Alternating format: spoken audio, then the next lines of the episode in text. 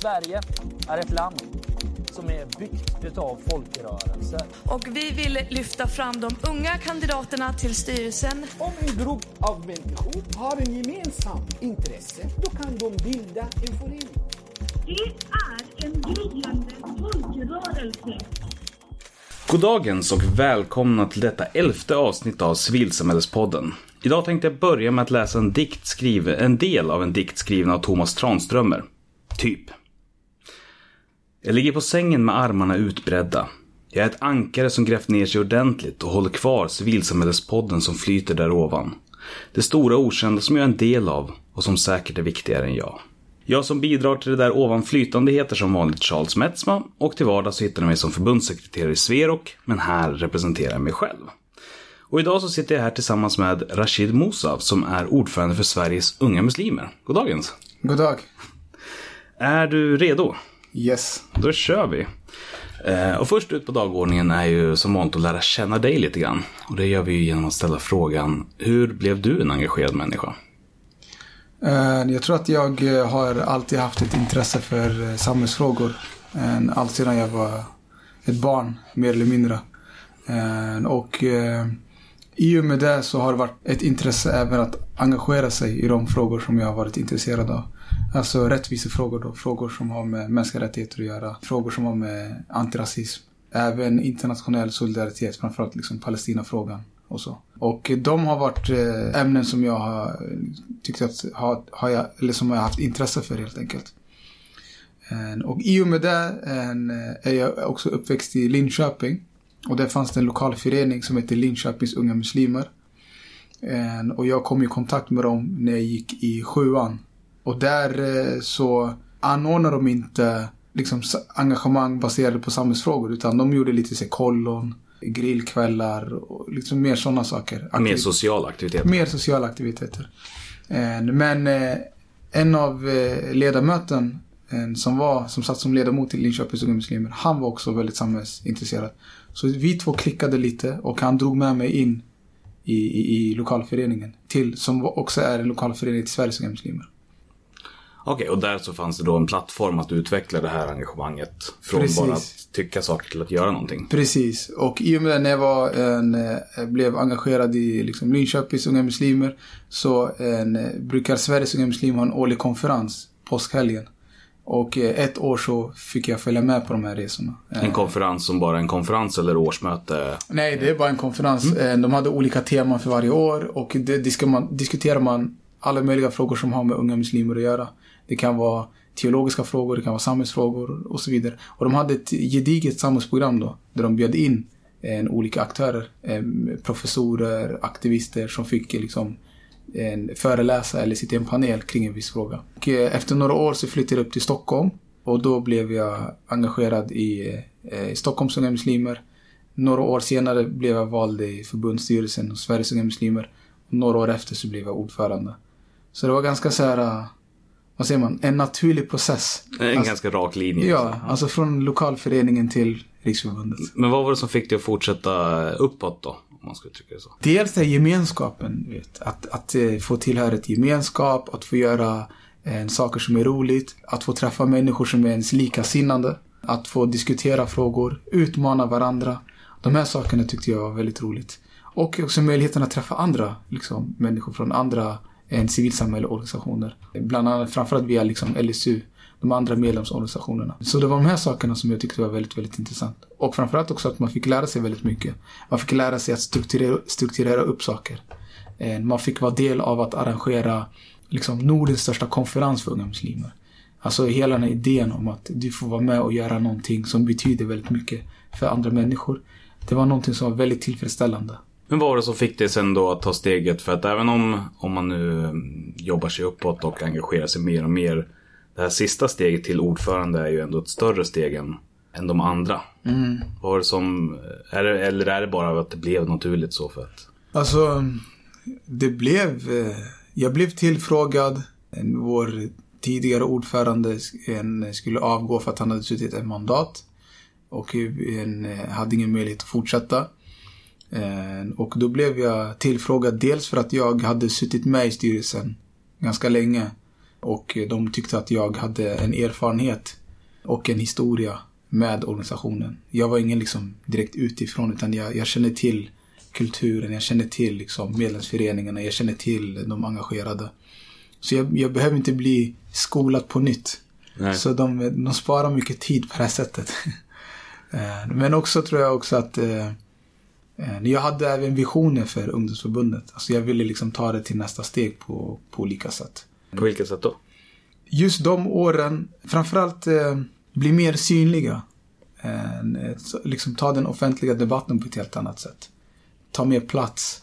Eh, profilera oss, inte bara som ett, ett muslimskt ungdomsförbund, men ett ungdomsförbund som har en massa expertis kring olika frågor.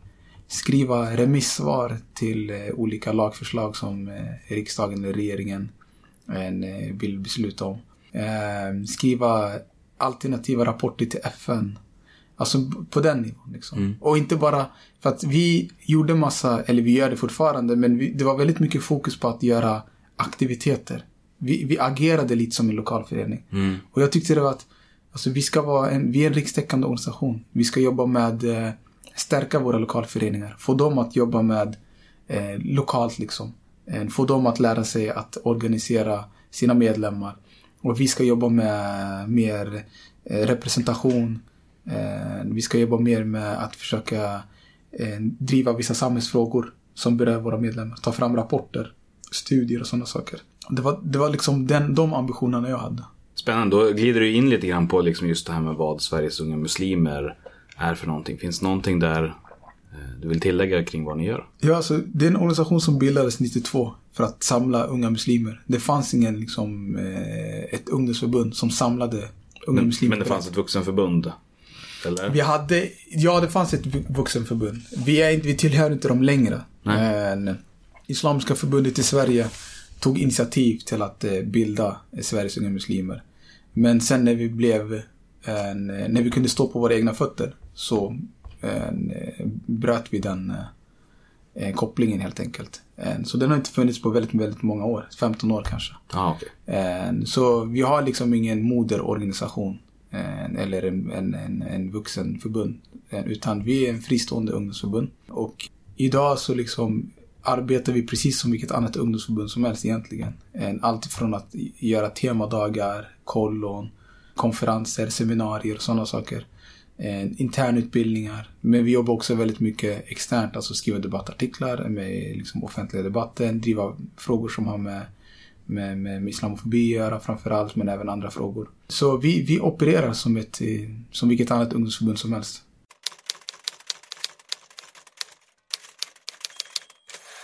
Nu så ska vi då prata om någonting lite annorlunda.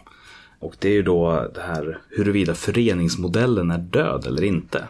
Alltså föreningsformen. Eh, tänkte prata lite grann kring det. Men eh, hur kommer det sig att du valde just det temat? Alltså jag ser ju hur, eh, jag kan ju tala bara för mig själv egentligen och för vår organisation att för några år sedan så var det väldigt naturligt. För inte så länge sedan, alltså jag pratar om tio år sedan, så var det ganska naturligt ifall man skulle engagera sig så skulle man liksom ansluta sig till en förening och det var ganska konstigheter. Och eh, det var så de flesta gjorde det på. Men nu eh, har jag sett en förändring. Eh, det är inte alltid lika självklart att om man vill engagera sig att man måste gå den vägen. Utan det finns andra vägar att gå. Som?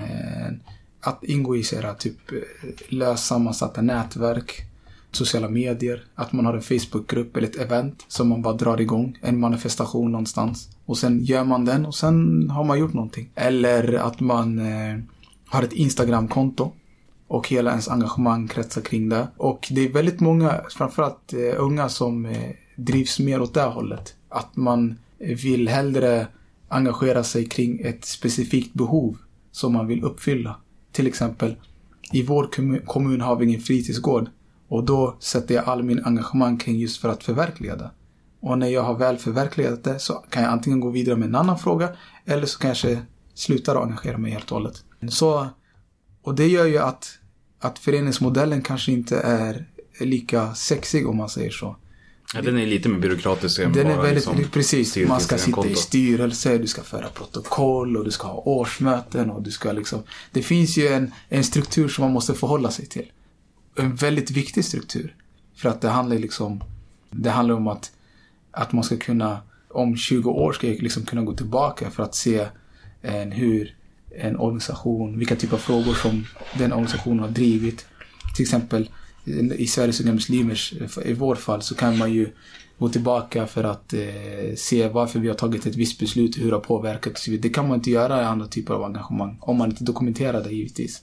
Ja, man skulle ju verkligen kunna måla upp då, liksom, om man har nätverk i ena änden och förening i andra änden. Mm. Så kan man ju säga att det, den ena är mer långsiktighet och den andra är mer liksom, kortsiktigt engagemang och liksom, någon form av effektutveckling. Precis. Eh, Och det tror jag att det, det finns ett problem med det där. För att eh, jag tycker all form av engagemang ska vara baserat på långsiktighet. Eh, Jag är liksom en stark förespråkare av för- föreningsmodellen. Jag tror på den starkt för att jag tror att det är den som håller i det långa loppet. Eh, Jag har mycket respekt för andra former av engagemang. Jag hyser en stor respekt för hur andra väljer att engagera sig. Men i slutändan, en, en förening gör så att den kan finnas kvar väldigt länge. Alltså vi pratar om liksom 50-100 år och den finns kvar liksom. Och det gör någonting faktiskt med, eh, det, det, det ger en större påverkan i samhället på lång sikt. Eh, skulle jag vilja tro. Eh, Jag har ingen liksom, forskning på det, men jag skulle kunna gissa att det är så. Det, det är ett rimligt eh, antagande att göra i alla fall baserat på att det faktiskt, om föreningen finns längre så borde den också påverka under längre tid. Precis, eller hur? Eh, det tycker man att det borde göra, och vilket jag tror också att det gör. Men du som då ser, det är ganska många som ändå ger uttryck för den här eh, fablessen för nätverk och mer liksom kortsiktiga engagemang. Vad, vad ser du ändå som styrkan i, i den typen av grejer då? I att eh, engagera i form av nätverk och sådana saker. Ja, allt, allt som inte är förening utan det här mer liksom explosiva, kortsiktiga. Jag tror att eh, det här med, alltså man slipper ta ansvar för vissa saker tror jag. Alltså om du sitter, om du är styrelseledamot i en förening så ansvarar du för föreningens ekonomi. Du ansvarar för dess medlemmar. Alltså du har ett stort ansvar som ligger på ditt bord. Och eh, jag tror att när man engagerar sig i andra former än föreningsmodellen så kanske man inte behöver ta ansvar för, för vissa saker. Och det blir att man blir mindre pressad. Så det tror jag ser en stor fördel. Den andra fördelen är att man är väldigt konkret i sitt engagemang. Eh, du bygger inte upp någon abstrakt idé om att eh, kom med oss för att vi vill liksom främja för ungars delaktighet i samhället. Utan det är mer så här äh, saker som man kan liksom förverkliga och ta på. Vi, vi vill liksom fixa en fritidsgård eller vi vill eh, göra det här eller det här eller det här. Sen har man så konkreta mål. Skatepark, den här platsen, fixa. Precis, det är så här väldigt så här, konkret. Man kan mäta väldigt konkret om man har uppfyllt det eller inte. Finns skateparken, ja då har man liksom uppfyllt det. Finns den inte, ja då har man liksom eh, något att jobba mot. Eller för. Så, och, och det tror jag att, eh, att det är en stor fördel också. Och jag tror det är därför många lockas till det. Eh, också. Så jag tror att det dels med ansvarsfriheten men också att eh, eh, det är liksom konkreta mål som man vill jobba kring. Ja, För jag kan också verkligen se det där, alltså charmen med det, för det går ju mycket fortare att få någonting gjort. För demokrati är ju en sån sak som tar tid. Ja, Alla andra former av eh, liksom sammansättningar där man mer jobbar mot någonting under lösare former så går det mycket fortare att få någonting gjort. precis. Men, men samtidigt, det här är ju någonting som jag tänker väldigt mycket på just för att det finns många föreningar upplever jag som blickar just mot nätverken och tänker åh, liksom, vad vore väl en bal på slottet?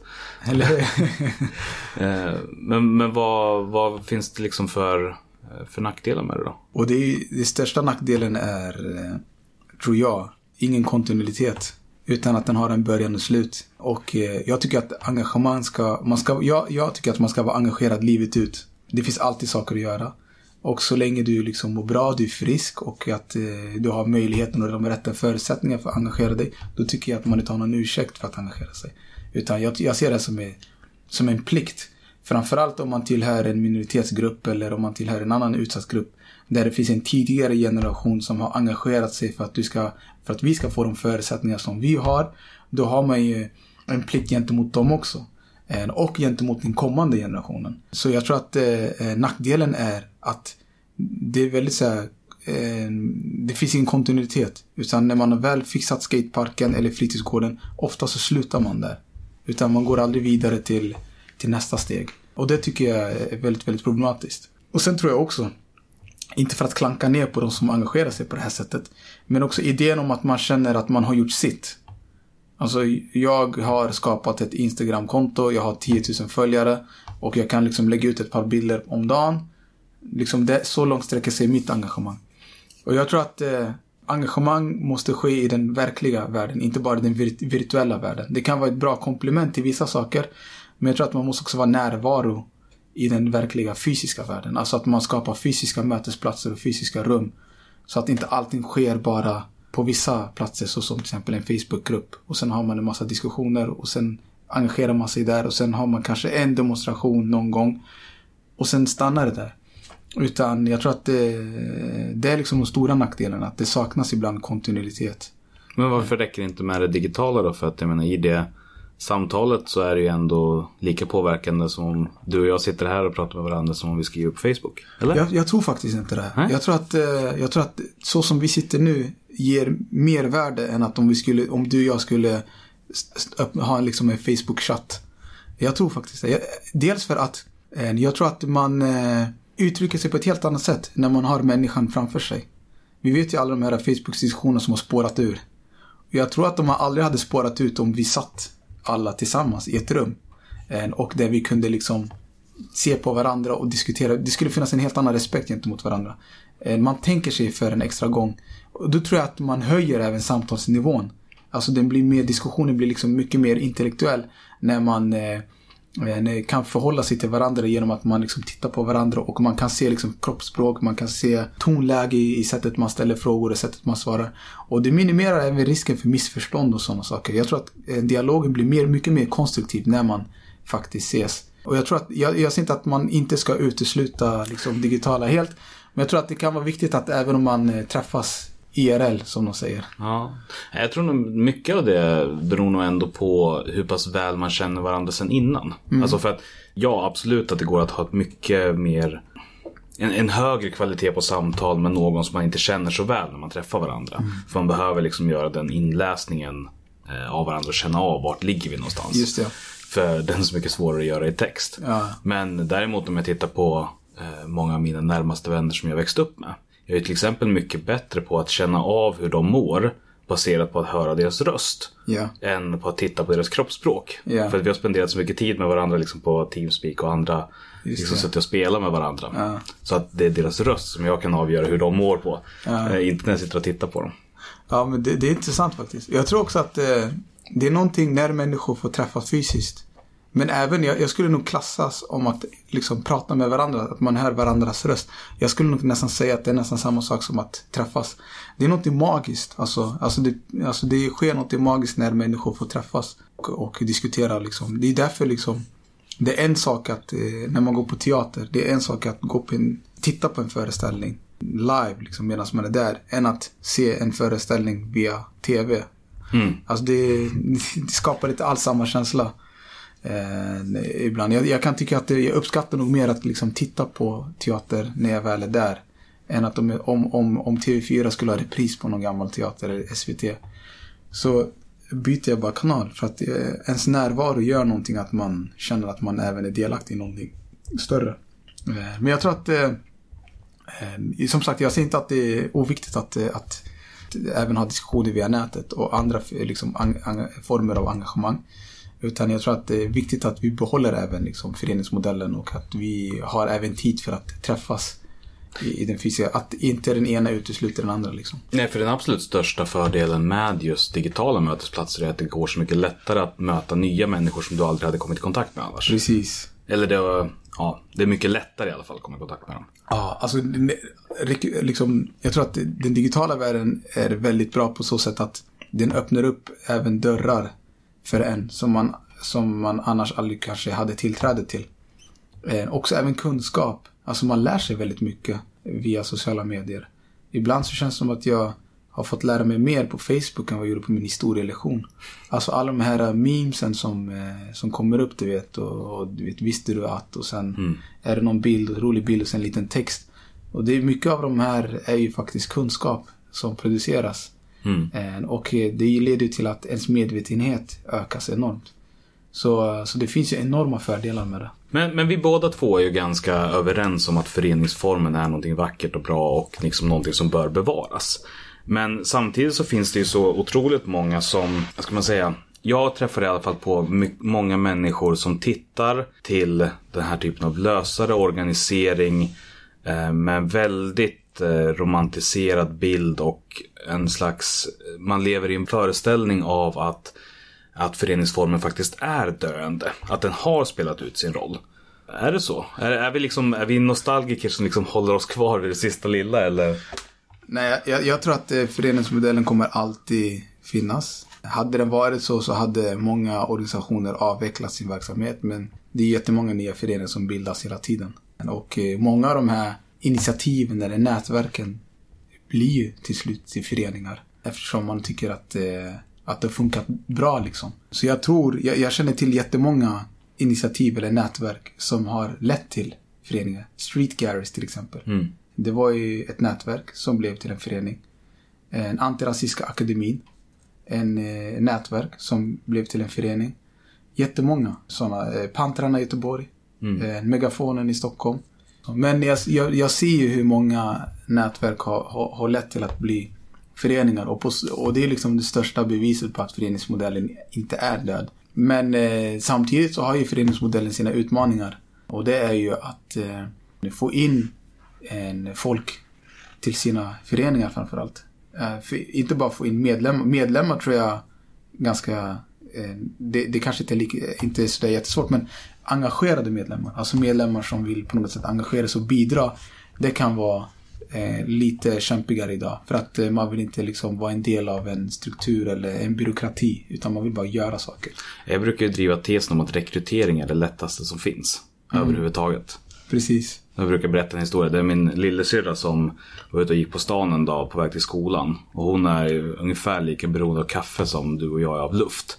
Och så stod liksom ett politiskt ungdomsförbund och sa hej skriv på här så får du en kaffe. Och så hon blev ju medlem direkt. Men sen så gick hon ju också ur direkt när hon kom till skolan sen. Ja, exakt. Så att ja, innan de hade hunnit registrera henne så hade hon skickat in sin liksom så här, ta bort mig från era listor grej. Så rekrytering är ju lätt, det är engagemanget exakt. som är det svåra. Så, som, som, som muslimsk organisation så använder inte vi begreppet rekrytering av, av naturliga skäl. Vi, vi pratar mer om att värva. Vi har inte sommarläger, utan vi har kolla. Ja. Och så vidare. Eh, skämt åsido. Men det, det är sant, det är väldigt enkelt att få med sig folk till sin förening. Eh, men att eh, engagera sig, eller få dem att engagera sig, eller sätta dem i arbete till att göra någonting konkret.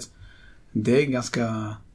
Det är inte, det är inte lika lätt alla gånger. Men om det då är någon som lyssnar som sitter i en förening där, där man ändå upplever det här med att under några år så har engagemanget minskat, man har tappat i medlemmar, allting känns ganska kast, eh, rent ut sagt. Och det känns som att fan allting liksom har hamnat i en trist spiral. Vad finns det man kan lära sig av andra organiseringsformerna? deras sätt att välja, eller deras sätt att attrahera människor att engagera sig på. För att vad de gör är att de är ganska, de, de, de kör ganska enkla budskap. En, vi vill liksom göra det här, joina oss och vi jobbar för det här. Och jag tror att vi kan också vara väldigt enkla i vårt språk utan att eh, kompromissa bort allt för mycket.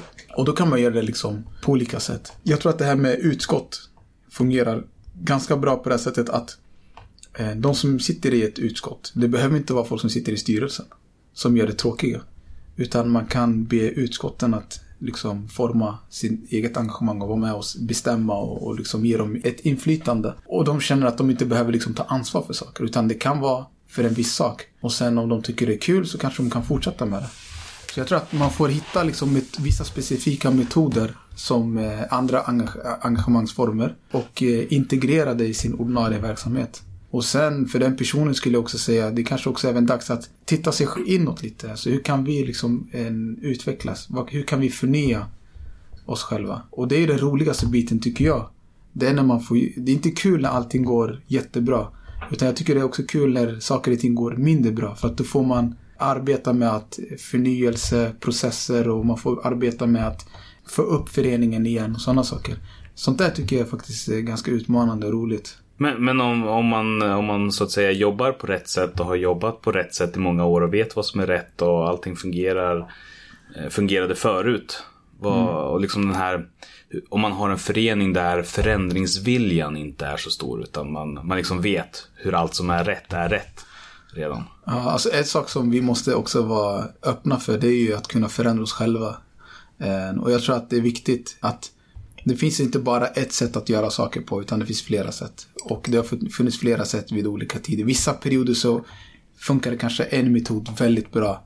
Eh, men nu kanske vi lever i en helt annan tid.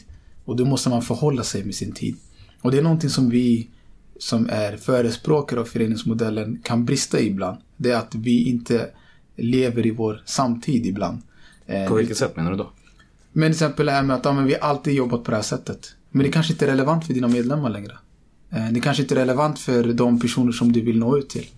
Eh, du kanske måste göra andra saker. Du kanske måste offra din, ordn- alltså din, din liksom verksamhet som du har drivit i 40 år och som du tycker är jättebra verksamhet. Och den, du kanske till och med måste offra den för att gå vidare eller gå framåt. Eller för att få en förnyelse i, i ens organisation. Och det är smärtsamt. Liksom, vi har drivit en konferens i nästan 20 år som heter SUM-konferensen. Och det är vår ryggrad. Men för några år sedan så offrade vi den. För att vi märkte att det ger inte mycket längre. Utan det kostar väldigt mycket att göra den konferensen. Folk har tröttnat. Alltså vi har hållit på nästan i 20 år. Folk har tröttnat. Och de vill ha någonting nytt. De vill ha någonting som de kan eh, se fram emot. Men vad, vad var det som gjorde att ni fattade det beslutet? Var, då var det att, eh, att de gamla tröttnade eller att det inte kom nya? Eh, de gamla tröttnade och det kom inte nya. Det var typ båda, båda delarna. Så, vi, så den, den, den, den nya generationen tyckte att det inte var intressant att gå på den. Och den gamla generationen som alltid har gått på den tyckte att det händer ju bara samma saker. Eh, vi har eh, det, konferensen är på en fredag, lördag, söndag. Fredag är eh, en eh, invigning. Lördag gala på kvällen. Och sen under dagen massa seminarier. Och på söndag är det avslutning. Och så har det varit liksom jättelänge. Givetvis har man haft olika gäster och olika föreläsare och sådana saker. Men de, eh, de tröttnade. Och den nya generationen tyckte inte är spännande att göra det på det här sättet. Eh, och du var tvungen att kapa den och hitta ett annan form. Vi har ju fortfarande en konferens men det heter inte Zoom-konferenser längre. Utan vi involverade andra aktörer som medarrangörer. För att liksom göra det tillsammans. Men, men gjorde det ont att förändras? För det låter ändå lite grann som att det mest var att den dog ut. Det gjorde jätteont. Framförallt en- de som har varit med Ja. För att vi, det var en konferens som, en, när jag besökte den, en, när jag liksom var aktiv i Linköpings Unga Muslimer, så var vi i en liten skola, en liten gymnasieskola. Och det var typ 600 deltagare. Sen eh, hände det en massa saker och sen när jag kom in i styrelsen så var vi i Kistamässan. Och då var vi helt plötsligt 2000. Så jag, vi, har liksom, vi, vi har sett en resa. Eh, Men där tog det liksom stopp och då började vi liksom tappa deltagare. Det var inte lika intressant längre för många. Och vi var tvungna att hitta ett nytt sätt att, eh, att göra det på. Och, och, och för jag tycker, jag tycker fortfarande det är väldigt smärtsamt att jag, jag har fortfarande inte kommit över den separationen om man säger så. Jag kan ibland titta nostalgiskt tillbaka. Alltså, Hur många tänk- år sedan är det här? Det här är fem år, sex år sedan. Ja. Sedan vi arrangerade sista konferens, Zoom-konferensen. Vi bytte koncept på det. Genom att eh, kalla det för Muslimska familjedagarna. Och vi involverade två andra organisationer för att göra den tillsammans med oss. Och eh, då var det bara uteslutet för ungdomar. Nu har vi öppnat upp det. Utan familjer, barn också välkomna. Eh, Och då har vi liksom program som är anpassade efter varje målgrupp. Och då såg vi en uppsving igen. När vi liksom ändrade konceptet och så. Men än idag så finns det folk som kommer till mig. Ja, alltså det, det här är liksom. Det är inte bra det ni, liksom, det ni har gjort. Jag saknar Zoom-konferensen. Vi ungdomar behöver faktiskt vår egen space. Och sådana saker. Och de äldre tycker att fan är det är för många ungdomar här. Vad gör de här liksom? Måste de vara här? Vi behöver faktiskt vår egen space. Så vi har så generationskrig under konferensen där vuxna tycker att det är för många ungdomar här. Där ungdomarna tycker att det är för många vuxna här. Så, så vi håller på liksom kolla på hur vi kan liksom lösa de bitarna. ja. Men, men blev det bättre ändå utifrån det som ni hoppades att det skulle bli då eller? Ja, jag tycker att det är en överlag så blev det, blev det, alltså vi får mer deltagare nu. Alltså senaste konferensen var det 5000 deltagare. Det är ganska jävla skit. Ja, på Stockholmsmässan. Om eh, någon sa till mig för tio år sedan att Sveriges unga muslimer kommer att arrangera en konferens där 5000 deltagare samlas på Stockholmsmässan. Jag hade nog skrattat åt den personen. Mm. Så det har gått väldigt snabbt. Och väldigt fort. Och det visar ju också att det finns ett, en efterfrågan också. Så just nu har det gått bra. Just nu går det väldigt bra. Eh, och så får vi se. Det kanske går några år. Sen kanske måste vi hitta ett nytt koncept. Vi kanske måste liksom hitta eh, ett annat sätt på att göra den här konferensen för att utveckla oss själva. Så det är därför jag menar att man måste hela tiden vara i takt med sin samtid och lyssna på medlemmar, lyssna liksom på sin målgrupp och se vad de, vad, vad de behöver och vad de känner att man ska göra. Har till. du, har du några metoder för hur man kan bli mer lyhörd då? För det är ju ganska lätt ändå att gå med skygglappar på och liksom helt missa att Alltså att tro att allting är ganska bra men missa det. Bästa sättet är att prata med folk. Och jag tycker inte att som ordförande att man ska prata med medlemmar. För att de kommer aldrig vara ärliga. De kommer tycka att allting är frid och fröjd. Eller så kanske de är det. Det beror på. Alltså vi har Jag tror, sån... det, jag tror det är lite olika Eller olika, ja då. Alltså hos oss är det så att man har lite respekt för ordföranden. Så. Ja. Man ska inte liksom, man, man ska vara glad och han tar sig ändå tiden och snackar med en och där. Det är på den nivån alltså. Mm, okej. Så jag får väldigt mycket så här. Fan vad märkligt. Ja, det är jättekonstigt. Och jag tycker det är jätteskumt för att det är inte så i, i många andra sammanhang.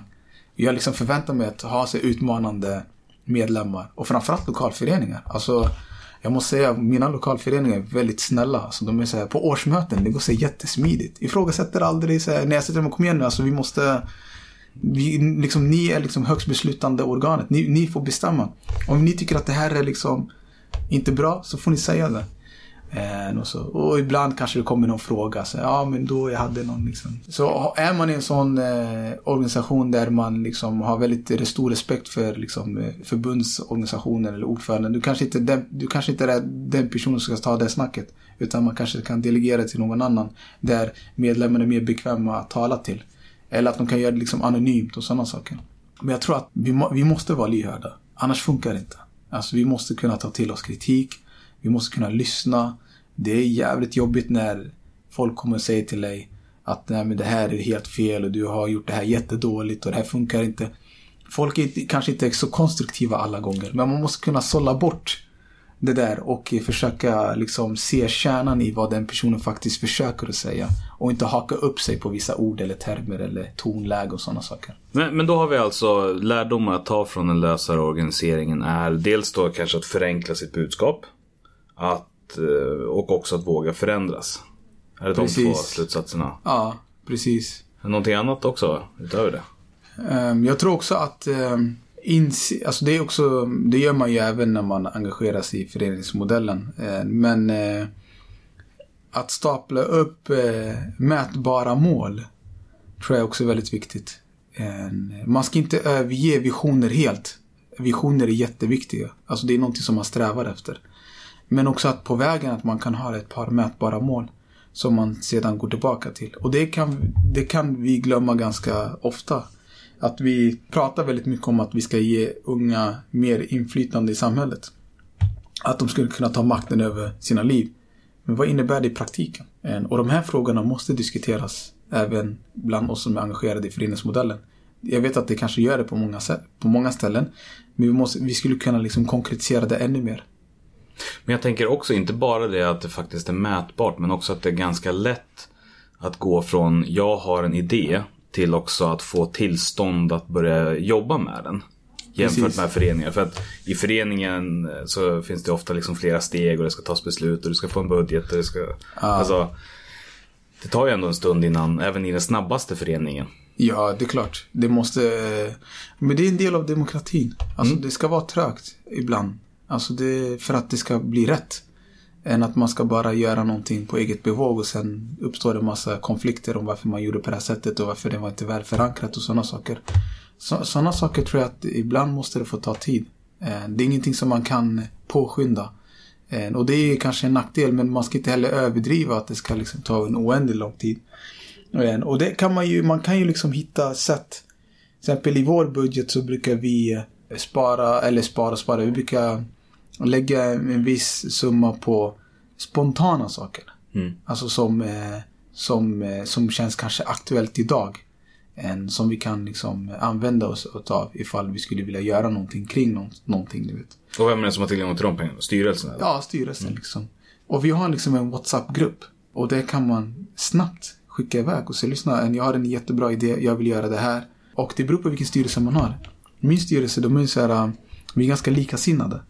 Så när någon i styrelsen föreslår någonting så är det väldigt sällan att det inte blir genomfört på grund av att det finns för många olika åsikter. Utan oftast är det att det, det, det genomförs. Det är sällan att det, att det går att diskuteras i omgångar om varför man ska göra det eller hur man ska göra det och så vidare. Och det är för att jag har sagt, en av grejerna när jag blev ordförande så att jag har liksom full tillit till mina styrelseledamöter. Jag vet liksom om de vill göra någonting så vet jag att de, att de gör det för liksom, organisationens bästa och jag vet att de kommer göra det på ett bra sätt. Eh, så när man har den tilliten eh, till varandra eh, så kan det gå snabbare än, än, än, än väntat. Liksom. Det behöver inte ta så lång tid. Men är det någonting som du eller ni då har infört med liksom nätverk i åtanke eller är det bara? Ja, nätverk i åtanke. Eh, För att vi visste att det fanns saker som hände, alltså saker och ting händer väldigt snabbt i samhället idag. Och för att du ska kunna vara aktuell så måste du kunna agera väldigt snabbt också. Och eh, då måste man ha en styrelse som är tillgänglig ganska snabbt. Eller ganska fort. Eh, Och, och ibland så behöver inte hela styrelsen vara med på det. Alltså, det kan vara arbetsutskottet. Eh, Det kan vara ett särskilt utskott som har ett mandat över att kunna ha ett visst eh, liksom, eh, inflytande över en viss fråga. Och då måste man respektera det. Liksom. Men hur stora summor rör det sig om och hur snabbt går så att säga? Det är inte sådär jättestor summa utan vi pratar om eh, eh, 50 000 kronor. Eh, jag vet inte om det är stort eller litet. För en lokal förening kanske det är väldigt mycket pengar men för en riksorganisation är det sådär jätte, jättemycket pengar.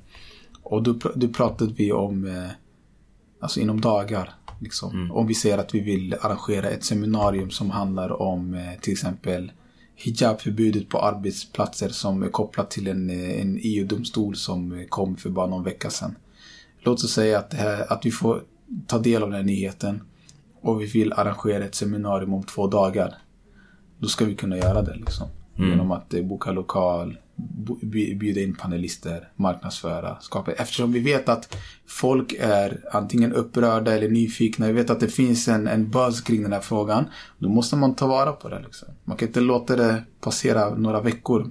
Utan ibland måste man agera väldigt snabbt. Men är det alltid kring politiska ställningstaganden av olika slag? Precis. eller? Ja. det, då, det förenklar ju.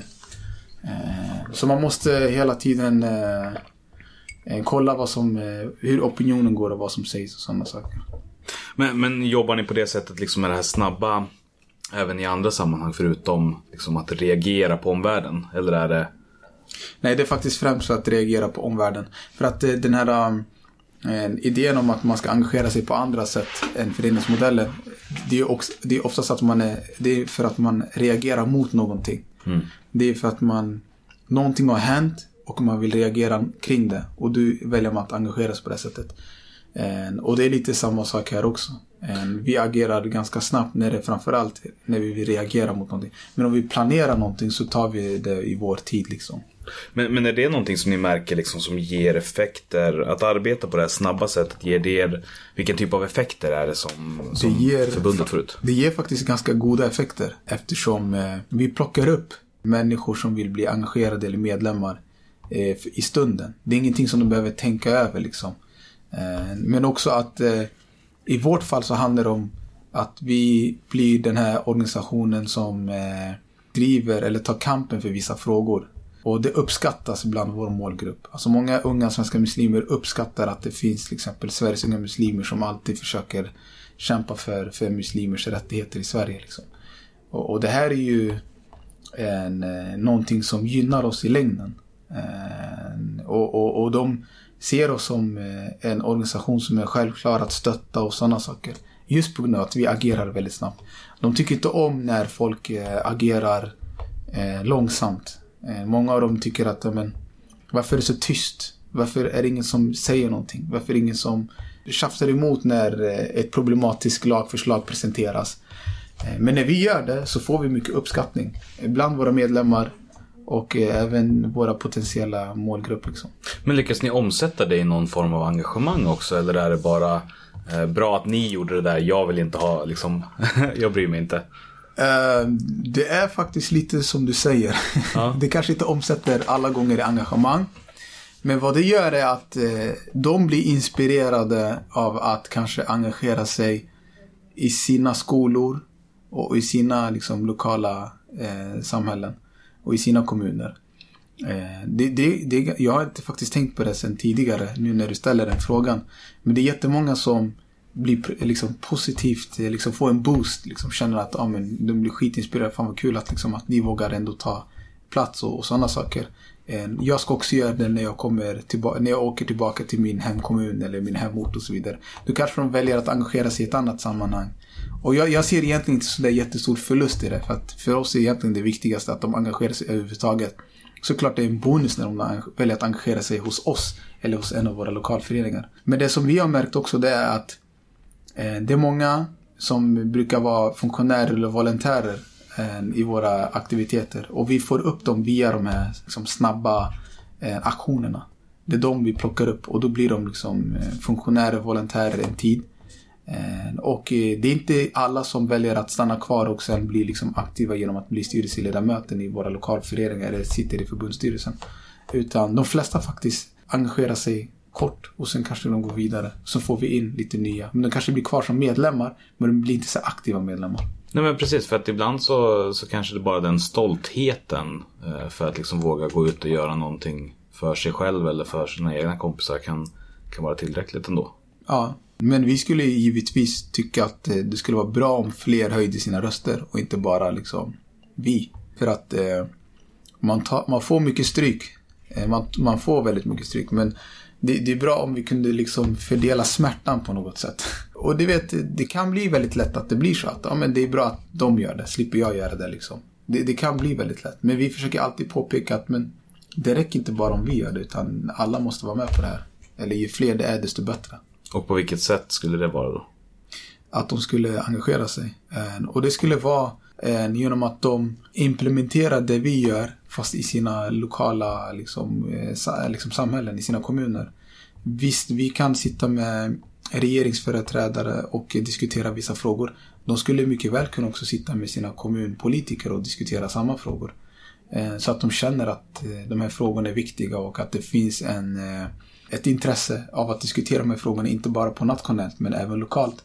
Och de till och med har bättre förutsättningar att veta vad deras behov är eftersom vi finns inte överallt. Vi finns i Stockholm liksom. Och vi kanske kan veta vad som är viktigt här. Men Göteborg eller Malmö eller i Linköping eller i, i Uppsala. Det har de bättre koll på.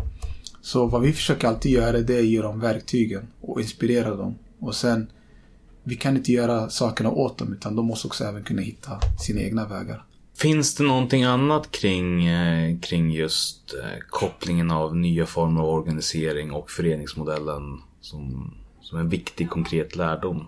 I, för, bortsett från det här med att, att man kan lära sig göra mer attraktiv, alltså förmågan att kunna presentera sig själv på ett attraktivt sätt, så som de andra eh, sätten att engagera sig på brukar göra och spara liksom tid, alltså vara tidseffektiv.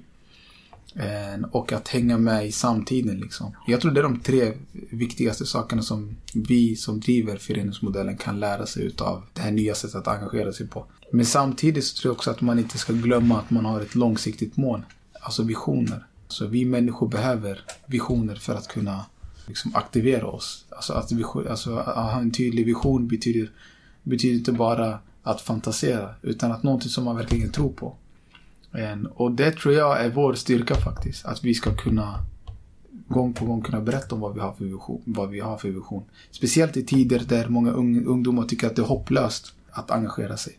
Då måste vi vara väldigt duktiga på att visa på de framgångar som vi har gjort. Och det är jätteviktig lärdom. Att säga men visst, saker och ting ser ut på Eh, så som det gör. Det är väldigt svårt och jobbigt och, och det är vi har liksom motgångar men samtidigt så har vi ändå lyckats med det här och det här och det här. Och det kanske säger någonting i alla fall. Det är inte liksom helt ute i skogen.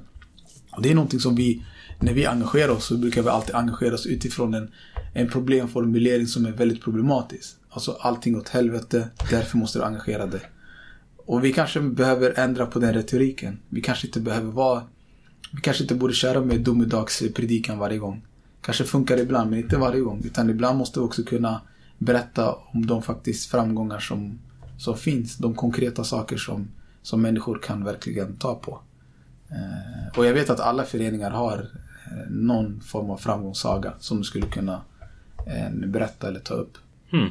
Så helt enkelt att eh, men lära oss eh, fördelarna av det nya men inte tappa bort vår själ på vägen. Exakt. Det låter svårt men det, det är inte enkelt men det, jag tror att det är någonstans där som man får göra. Eller den vägen man måste gå.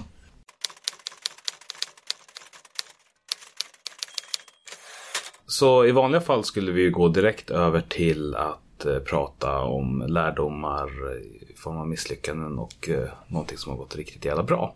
Men, men däremellan så, så vill jag ändå passa på, alltså för att det känns dumt att träffa dig och spela in och sen låta liksom hela det här gå okommenterat. Det faktum att ni blev, liksom inte fick beviljat eh, er statsbidragsansökan från MUCF.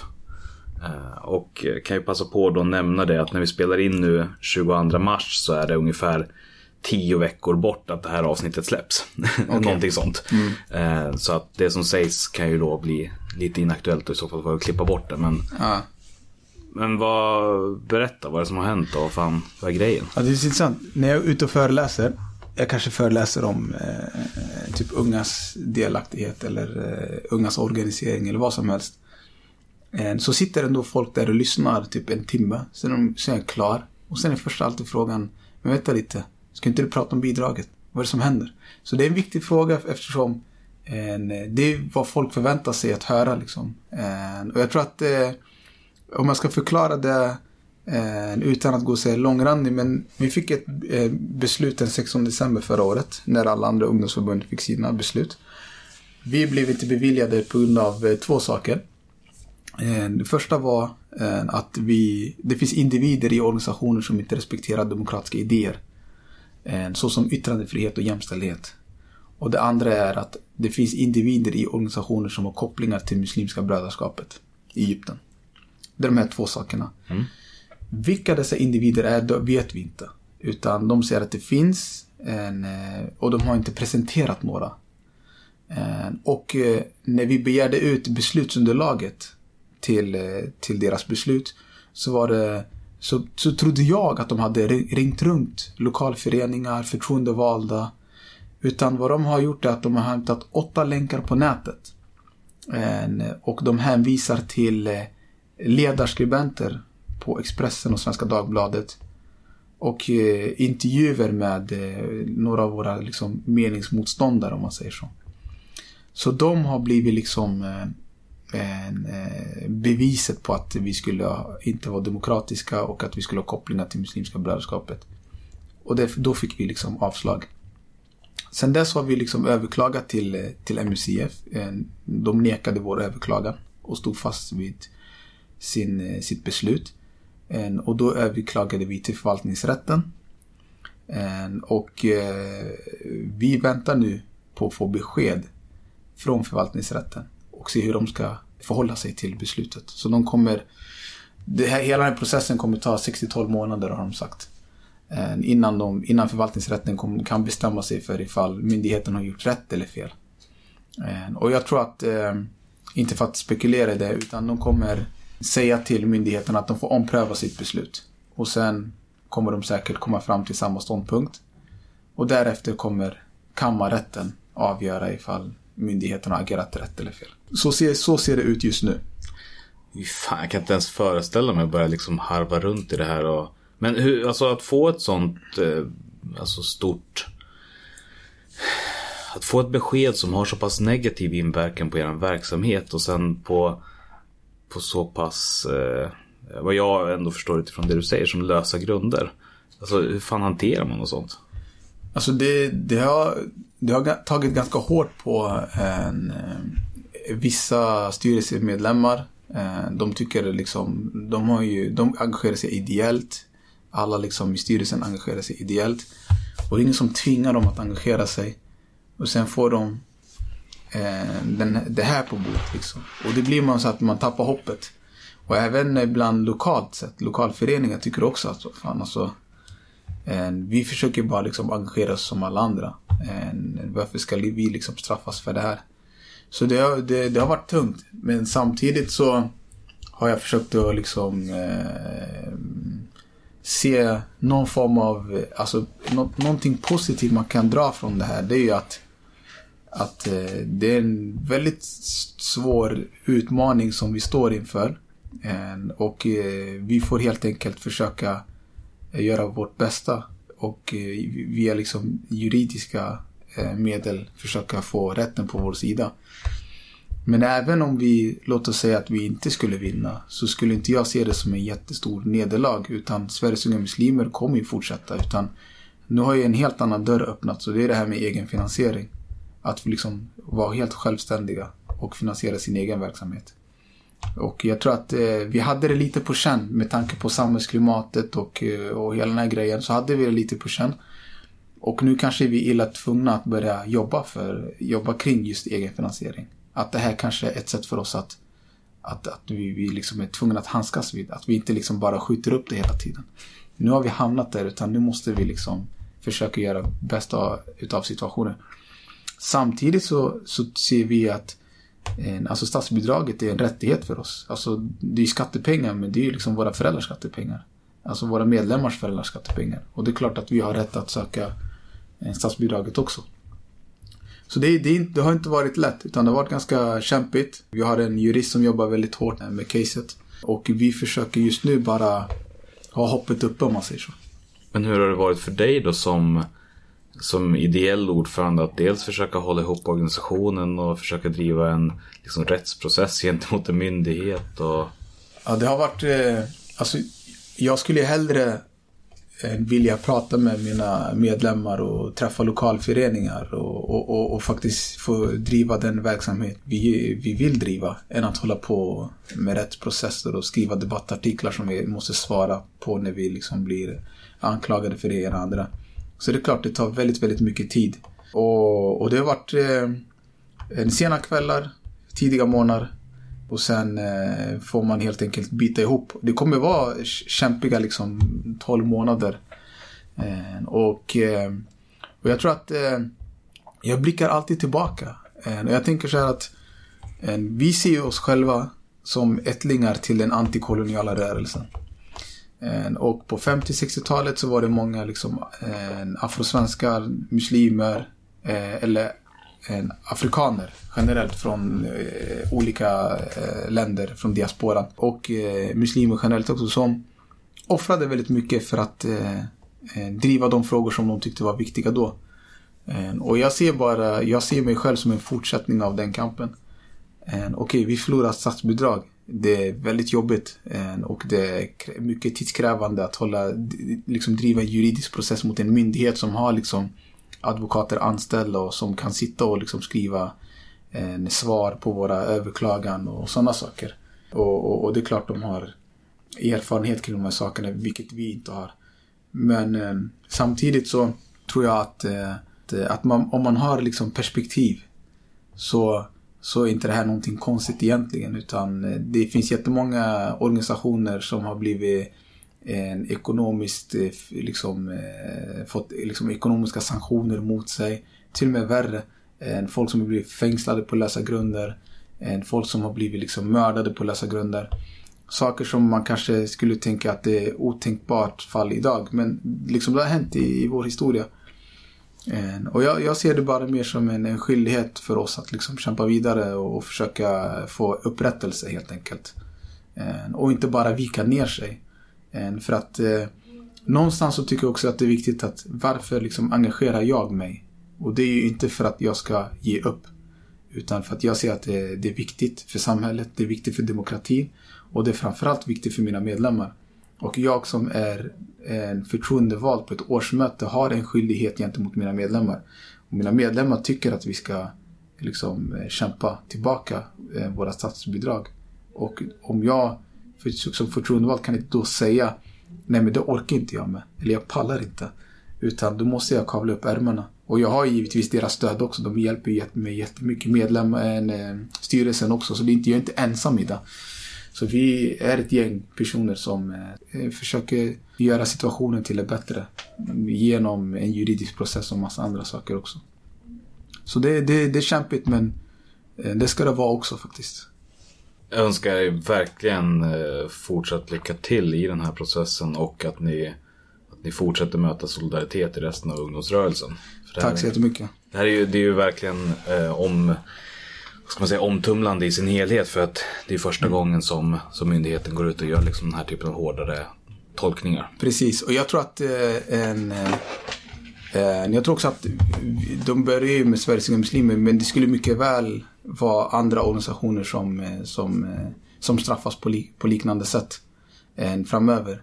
Så jag, jag tror inte att, att jag tror att den här är en viktig fråga för hela ungdomsrörelsen och inte bara för Sveriges unga muslimer.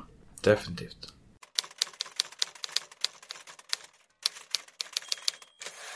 Då går vi över på, på det som, eh, som brukar avsluta podden. Nämligen att du får berätta om någonting som du har lyckats riktigt jävla bra med. Som du är stolt över. Någonting som gick åt helvete eh, och vad du lärde dig utav det. Du väljer väl själv börja- vilken... Ja, vi kan väl börja det som har gått bra. Eh, Det är ingenting som jag själv har varit med med. Jag har varit, eller någonting som jag själv har gjort, utan någonting som jag har bidragit till. Det är eh, faktiskt eh, den här, vår årliga konferens nu som heter Muslimska familjelagarna som samlar eh, flera tusen medlemmar från hela Norden.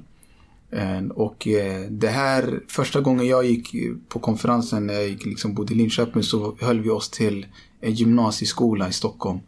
Och idag så finns vi i Stockholmsmässan. Och det är någonting som jag är otroligt stolt över. Över att ha medverkat i. Eh, och har liksom haft möjligheten att eh, förverkliga de ambitionerna vi hade då. Så det är någonting som jag är extremt stolt över. Att jag kan se eh, deltagarna på konferensen är liksom väldigt avslappnade, väldigt glada. Och det finns en, liksom en, en skön gemenskap under konferensen.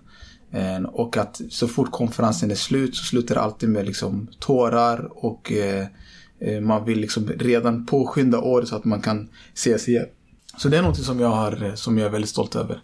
Att just att du har varit med och skapat det. Ja, faktiskt. Den mötesplatsen. Eh, och det är någonting som jag eh, kommer nog minnas resten av mitt liv. Det som har gått... Det, är, så- det är många saker som har gått väldigt åt helvete faktiskt. Jag vet inte vilken man ska välja. Ja, det var svårt alltså. alltså det finns några men jag kan inte säga att det gått riktigt åt helvete utan... Nej, men kommer du inte på någonting där liksom allting brakade sönder så är det ju okej. men Ah, någonting liksom som men inte det gick hela vägen. finns säkert alltså. Det beror, på hur, det beror på hur man ser på saken. Det viktigaste är ju liksom att det finns någonting som du lärde dig. Liksom det någonting som du någon delar med dig ja. som, som någon annan kan liksom ha nytta av att tänka på när de... Liksom så här, just fan, så där ska jag inte göra för det gjorde Rashid och det gick åt helvete. Det är det som är själva tanken med frågan i alla fall. Just det, det är en bra grej. En, det är att det fanns en period där faktiskt, jag ska inte köra körde över, men alltså jag, jag eh, ja man kan säga att jag körde över, alltså satte mycket arbete på min styrelse utan att faktiskt belöna för, för det arbete de har gjort. Okej? Och eh, det var så här att och jag märkte att eh, typ, styrelsemöten var folk alltid kinkiga, så på dåligt humör och så. Och det är för att jag aldrig liksom gav dem så här positiv eh, feedback. Eller till exempel när vi har nått en milstolpe, att man liksom köper en tårta och sådana saker. Du bara körde på och Jag bara tog för givet på. att de skulle... Ja, exakt. Eh, och, så. och det kan man inte göra. Eh, och då fick jag, det var en gammal styrelseledamot som kontaktade mig. Hon satt i min styrelse, hon satt, sitter inte kvar. Och då sa hon så här att eh, Du vet Rashid, att ibland kan det vara bra du vet att du eh, eh, visar uppskattning till människor liksom, du jobbar med. Jag bara, va? Ja, Det är klart jag visar uppskattning. Det var min första så här, jag, vad menar du? Ja men ja, till exempel. Eh, när, när vi satt i styrelse så kan du liksom ge folk en massa jobb som de ska göra. Så kommer de till nästa styrelsemöte och de presenterar sitt förslag. Och du bara går vidare som ingenting har hänt liksom. Jag bara, skulle inte du liksom ge positiv feedback till en person som har jobbat? Utan det kan inte bara utgå ifrån att alla har tid alla gånger och alla liksom eh, har möjligheten att göra saker eh, 24-7. Utan ibland så blir man faktiskt trött och då kanske man behöver eh, en positiv eh, liksom feedback för att man ska kunna orka till nästa uppdrag. Och det var faktiskt en väldigt stor lärdom. Och det var väldigt många som kände så i styrelsen. Men det är bara att de aldrig vågat säga det så öppet eftersom de kanske tycker att eh, jag vet inte av vilka anledningar. Eh, och så. Vad märkte du för förändring då? Eller ja, nu utgår jag bara från att du förändrade att du inte körde på. Ja, det, jag märkte den stora förändringen var att eh, folk tyckte, att, eh, tyckte sen att det blev mycket roligare att komma till styrelsemötena. Mer avslappnat. Vågat, eh, våg, de vågar att liksom misslyckas. Och att de vågar ta initiativ till saker, att de vågar ta för sig. Eh, Det var den st- största förändringen som jag såg. Eftersom innan så ville ingen ta, göra någonting för att de vågade, de vågade inte liksom misslyckas. Eh, De kände att ja, men, jag vill inte liksom komma till styrelsemötet och säga liksom att, att jag inte hann göra någonting eller allting gick åt skogen och så vidare. Och då sa jag till dem att, eh, att jag, jag bad givetvis om ursäkt och att jag inte var medveten och jag sa till dem att, att de inte ska liksom känna att de ska hålla inne känslor utan om de tycker någonting så ska de kunna säga det. Det här är liksom ett konfidentiellt rum och det kommer inte lämna någonstans. Det kommer, våra diskussioner kommer stanna här. Eh, och eh, eh, Så det är eh, någonting som jag har lärt mig. Att visa uppskattning till sina styrelseledamöter. Och visa uppskattning till sina funktionärer på eh, de här större tillställningarna som man har. Inte bara att, de, att man inte ska ta dem för givet. Att man inte ska eh, förvänta sig att de alltid kommer finnas där. Eh, för att det kanske de inte gör. Och då har man ju kanske förlorat en viktig resurs bara för att man inte visar den personen uppskattning. Alltså, och det är inte svårt att göra det. Det är inte svårt att köpa en tårta till ett styrelsemöte. Det är inte svårt att liksom säga bra jobbat, jag uppskattar verkligen det du gjorde. Grymt. Eh, och, och också att man eh, eh på så sätt skapar en bättre stämning inom, inom styrelsen. Så det var någonting som jag som jag har lärt mig faktiskt sedan dess. Eh, För att när jag blev ordförande så kunde jag liksom lyssna på folk vad de sa och så. Men jag hade också en eh, tendens att snöa in mig i mina egna idéer. Och bara liksom malade på. Utan att ta hänsyn till styrelsens eh, liv. Vad de har för plugg eller om de jobbar eller eh, om de har varit med om någonting dåligt. Och sådana saker. Och det har jag fått lära mig faktiskt att det måste man, man måste hålla koll på sin styrelse, styrelse. Man måste kunna känna till om de går igenom en svår period så kanske man inte ska låta dem axla någonting. Eh, och ett sånt exempel som jag gjorde var att vi hade en styrelseledamot, anhörig som gick bort. Jag hade ingen aning. Eh, men jag märkte att den personen inte mådde så bra och så. Och då la jag ett ganska tungt ansvar på den personen. Eh, och den personen sa inte ifrån. Eh, men man märkte att, det var, hon- att den personen tyckte att det var jobbigt. Men sen fick jag veta av en tredje person vad som hade hänt. Och då tyckte jag att det var pinsamt. Jag kontaktade en person och sa, vet du vad? Jag, jag liksom, eh, fick höra det här och jag eh, liksom beklagar sorgen. Och eh, eh, då liksom tog jag ifrån det ansvaret Jag att lyssna, du ska inte göra det här utan du ska liksom fokusera på att sörja i fred och sen när du känner att du är manad och känner att du har ork så får du liksom höra av dig. Så eh, lyssna till eh, en styrelse eh, och eh, att försöka eh, visa dem uppskattning helt enkelt. Det låter riktigt jävla klokt. Men jag skulle ändå vilja lägga till en liten sak på den listan och det är att också visa samma sak inför sig själv. Ja, För det glömmer man ofta bort att liksom vara lite bjussig mot sig själv också. Att så här, okej det där var jävlar mig bra gjort. ja vi har faktiskt väldigt svårt för det. Alltså? Ja, jag, jag, har otroligt svårt för att uppskatta mig själv. Det låter så arro- du vet, jag- Man vill inte framstå som en arrogant person. Nej. Men, eh, men det är också viktigt faktiskt. Att inse de eh, bra saker man gör. Och klappa sig själv i ryggen lite så här. Kul. Yes. Tack så jättemycket eh, Rashid för att jag fick komma och hälsa på här hos er. Tack själv att du kom. Det var jättekul att få samtala med dig. Ja, och framförallt var det så jävla kul att vi äntligen fick till det här för att du var ju den andra personen som jag frågade om att vara gäst så att det känns skönt att vi liksom fick till det äntligen. Ja, faktiskt. Jag ber om ursäkt för det där. Det behöver du verkligen inte göra. Och jag vill också som vanligt då tacka just dig som har lyssnat. Eh, reagera som vanligt på dagens avsnitt via Facebook-sidan som också heter Civilsamhällespodden. Bjud in en kompis eller två till att gilla den och lyssna på podden. Hör av dig så hörs vi igen om två veckor. Och återigen stort tack till dig Rashid. Tack själv. Sverige är ett land som är byggt utav folkrörelser. Och vi vill lyfta fram de unga kandidaterna till styrelsen Om en grupp av människor har en gemensam intresse, då kan de bilda en förening. Det är en gryende folkrörelse.